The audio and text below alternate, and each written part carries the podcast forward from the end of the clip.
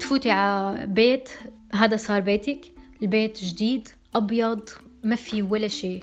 بدك ترجعي تحطي فيه كل شيء من أول وجديد.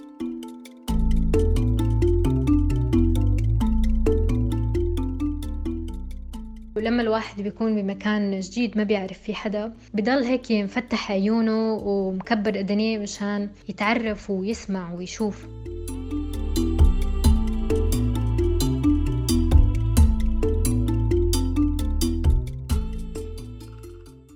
سمعتوا صوت سهاد.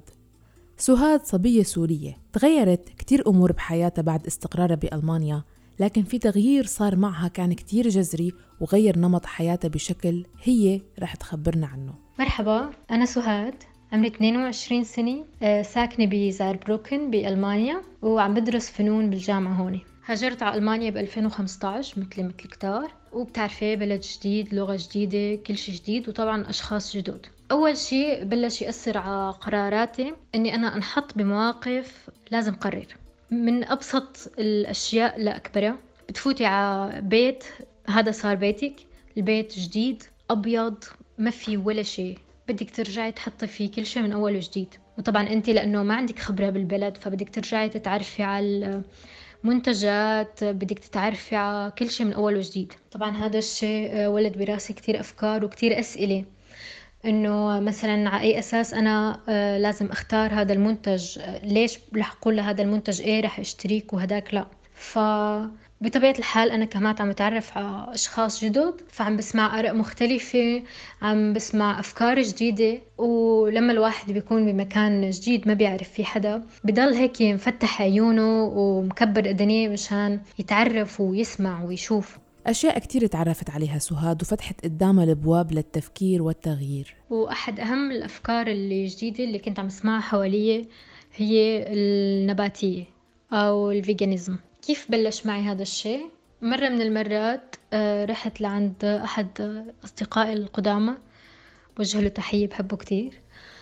آه، وهو كان vegan كان له فترة منيحة vegan. فرحت لعنده هيك زيارة مدة آه، يومين. طبعا أنا كل الوقت اللي أنا موجودة عنده آه، عم ناكل أكل نباتي مية بالمية. وصار انفتح حديث وصرنا ناخذ ونعطي ونتناقش بهذا الموضوع. واستفزني استفزني آه، أبحث استفزني شوف استفزني أعرف أكثر وهذا يلي صار. بعد ما رجعت من عنده آه، بلشت أبحث شوف أفلام وثائقية أقرأ على على الإنترنت شوف شو يعني إنه الواحد يكون vegan ليش الواحد ممكن يكون vegan آه، هل عن جد الحقائق المرعبة اللي قال إياها صحيحة؟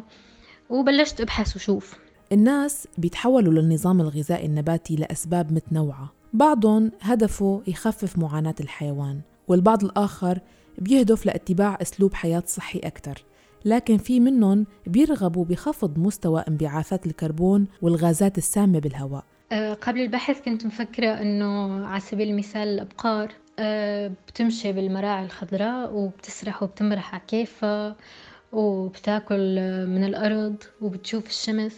بينما بعد البحث كتير كتير انصدمت. إنه مثلا الأبقار بتضل محبوسة كل حياتها بنفس المكان مكان كتير كتير صغير. ما بتاكل أكل طبيعي ما بتشوف الشمس بيتم حقنها بأنتيبيوتيك وأشياء أخرى مشان ما تمرض لأنه طبعا هي ما عم تعيش بالبيئة الطبيعية فهي كتير ممكن تمرض. مشان يتأمنوا العلف ممكن أحيانا بقصوا من الغابات مشان فين يزرعوا لهم آه، علف وأكل للأبقار مثلا بنضحي بمياه كتير كتير كبيرة مشان نعرف نسقي هدول الزرع اللي آخر شي عم يروح يصير علف لهدول الأبقار.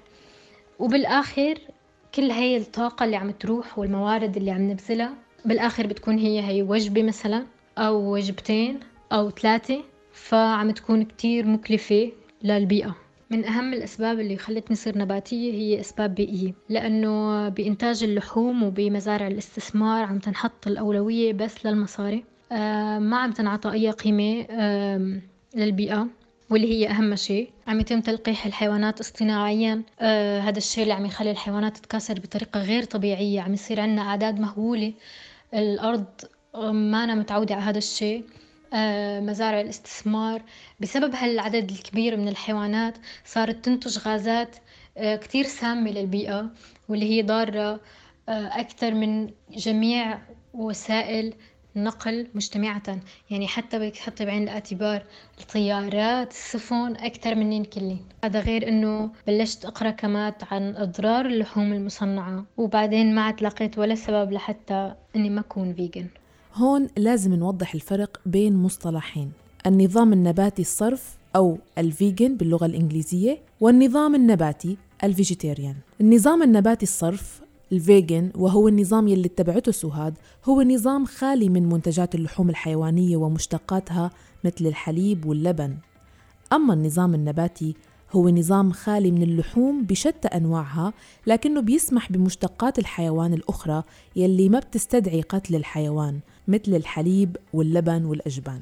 وطبعا مثله مثل أي تغيير بالأول بيكون في صعوبات آه مثل مثلا هل رح أعرف أعمل نظام غذائي يخليني بصحة جيدة؟ آه شو بدي أكل اليوم؟ آه هل رح أعرف أثبت لحالي ولا دائرة الناس اللي حوالي اللي هن غالبا مستغربين هالفكرة؟ آه إنه أنا أخذت قرار سليم إنه أنا بعرف دير بالي على حالي.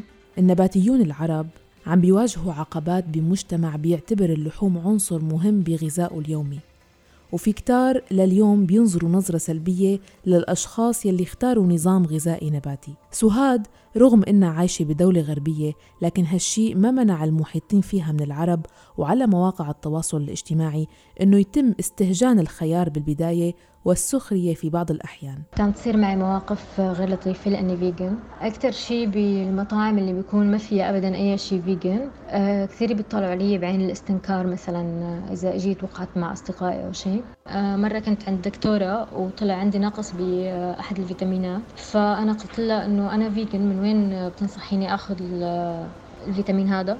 قالت لي؟ من اللحمة. ف تضايقت إنه ما ما أنا ما كانت supportive ما كانت آه، محترمة قراري وهي دكتورتي يعني. حتى من محيطي كثير أحيانا كان آه، بيطلعوا علي بعين judgmental بيجيني كمان أسئلة مثلا مثل كيف أنت vegan وشنتك جلد؟ طبعا أنا لأنه الثياب والأشياء اللي مشتريتها قبل ما أكون vegan آه، ما كبيتها لأنه أظن هذا الشيء ما بفيد المبدأ يعني. نحن كمستهلكين لازم ندرك القوة اللي عنا إياها ولازم نتحمل مسؤولية هاي القوة. آه نحن كل يوم لما بننزل بنشتري أي منتج بالحياة نحن بنكون عم ندعم الشركة اللي عم تنتجه بنكون عم ندفع له مصاري. لهيك آه برأيي لازم نفكر أكثر مين بيستاهل أعطيه مصارية ونطلع أكثر على خلفيات هدول الشركات.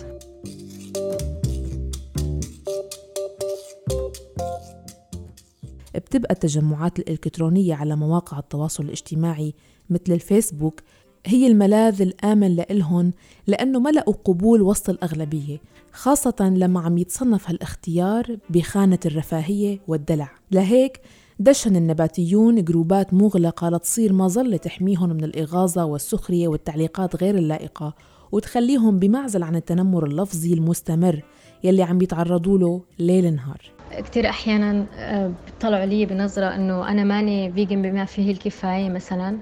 أو أنا vegan متعصبة مع إنه أنا بعتبر حالي وسط يعني. مثلا حتى الأشخاص اللي هن بيأكلوا لحمة إذا شافوني شي مرة مثلا عملت استثناء وأكلت شيء آه، مطبوخ بزبدة مثلا أو شيء مثل بيكونوا شوي judgmental وكأنه أنا انحطيت بقالب لما صرت vegan وصار لازم أرضي التوقعات اللي الناس بيتوقعوها مني إن كان الأشخاص اللي بياكلوا لحمة وهذا الشيء كتير غريب إنه هن يدققوا علي وحتى الأشخاص الفيجن الآخرين اللي بيكونوا بمحيطي أحيانا.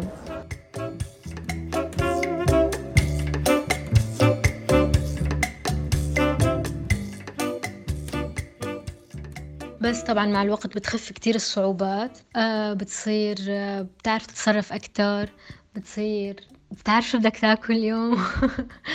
وطبعا اللي حواليك بتعودوا إنه أنت نباتي بتخف الجادجمنت والنقاشات الحادة. وإذا سألتيني شو تغير فيني بعد ثلاث سنين نباتية بقلك إنه على الصعيد الجسدي آه، حسيت بطاقة وخفة أكتر. بينما على الصعيد النفسي أو الفكري طبعا حسيت برضا أكتر. وصرت أفكر دائما يعني هذا الشيء فتح لي المجال لحتى أفكر إذا أنا اليوم عم باكل أكل صحي أو لا. آه، وصرت طبعا واثقة بحالي أكثر إنه أنا قادرة أعمل كنترول على أكلي.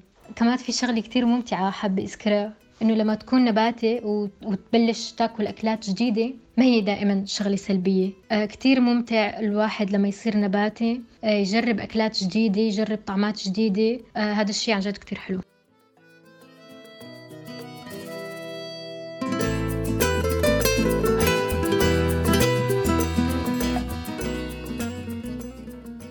شكرا سهاد لأنك شاركتينا تجربتك. إنتو كمان أي قصة أو موقف صار معكم وأثر فيكم أو غيركم خبروني إياه لتكونوا معنا بالحلقات القادمة. تواصلوا معي عبر الواتساب 00 971 568 531 592 واسمعونا دائما من خلال موقعنا الآن dot FM كل منصات البودكاست ال SoundCloud وتطبيقي Deezer وأنغامي. بالإعداد والتقديم كنت معكم أنا مها فطوم. إلى اللقاء.